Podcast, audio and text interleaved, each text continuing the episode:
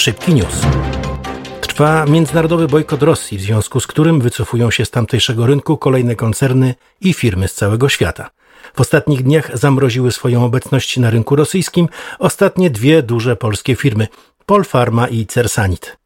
Niechlubną palmę pierwszeństwa w obecności na terenie państwa agresora dzierżą ciągle firmy francuskie, choć i tu pojawiły się pierwsze oznaki zrozumienia. Na przykład sieć Decathlon wstrzymała sprzedaż w swoich sklepach, tłumacząc to brakami w dostawach. Śmiesznie i groźnie brzmią w tej sytuacji mm, tłumaczenia kierownictwa PepsiCo, które brak wstrzymania w zakładach produkcji, w zakładach na terenie Rosji tłumaczą w sposób tak niezwykły, że wypada powiedzieć panowie menedżerowie, Pepsi i Mirinda naprawdę nie są ważnymi produktami z punktu widzenia humanitaryzmu. Sługa Putina, przywódca marionetkowej Republiki Czeczenii, udający wojownika Ramzan Kadyrow, próbował kłamać w mediach społecznościowych, że wraz z nieletnim synem walczy w okolicach Mariupola. Na dowód swojej obecności w Ukrainie pokazał swoje zdjęcie w trakcie rytualnej modlitwy na jednej ze stacji benzynowych. No, zapomniał tylko, że stacji koncernu Rosnieft nie ma w Ukrainie. Jak to mawiał Obelix z francuskiego komiksu o Asterixie?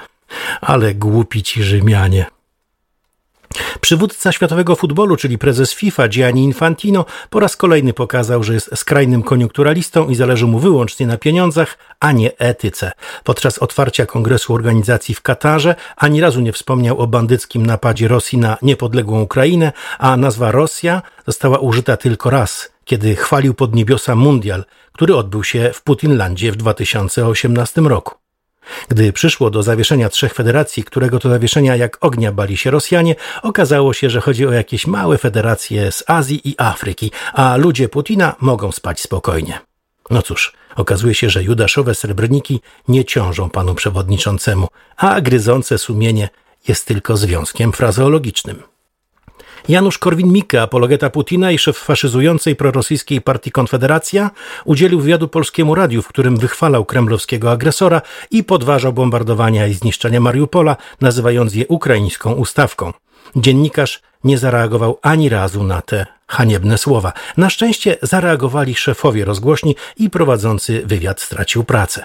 Nie stracił jej Mikke, bo jej od dawna nie ma, wiodąc pasożytniczy żywot utrzymywanego przez społeczeństwo pseudopolityka, z którego działalności nic dla państwa nie wynika, a na pewno już nic dobrego. Jacek 70 milionów Sasin wraz z drugim wesołkiem prawicy ministrem Kowalczykiem zapowiedzieli powołanie do życia Krajowej Grupy Spożywczej, centralizującej niczym za najlepszych gomułkowskich czasów działania firm spożywczych należących do Skarbu Państwa. Znając sprawność działania Sasina, grozi nam teraz zapaść na rynku produktów do jedzenia. Sasin zaczyna się Polakom coraz częściej jawić jako jeden z czterech jeźdźców apokalipsy. No a może nawet jako wszyscy czterej. I na koniec jeszcze bonmot tygodnia. Mateusz Morawiecki do europejskich przywódców, krytykując zbyt słabe, jego zdaniem, wprowadzenie sankcji przeciw Rosji. Cnotę stracicie, rubla nie zarobicie.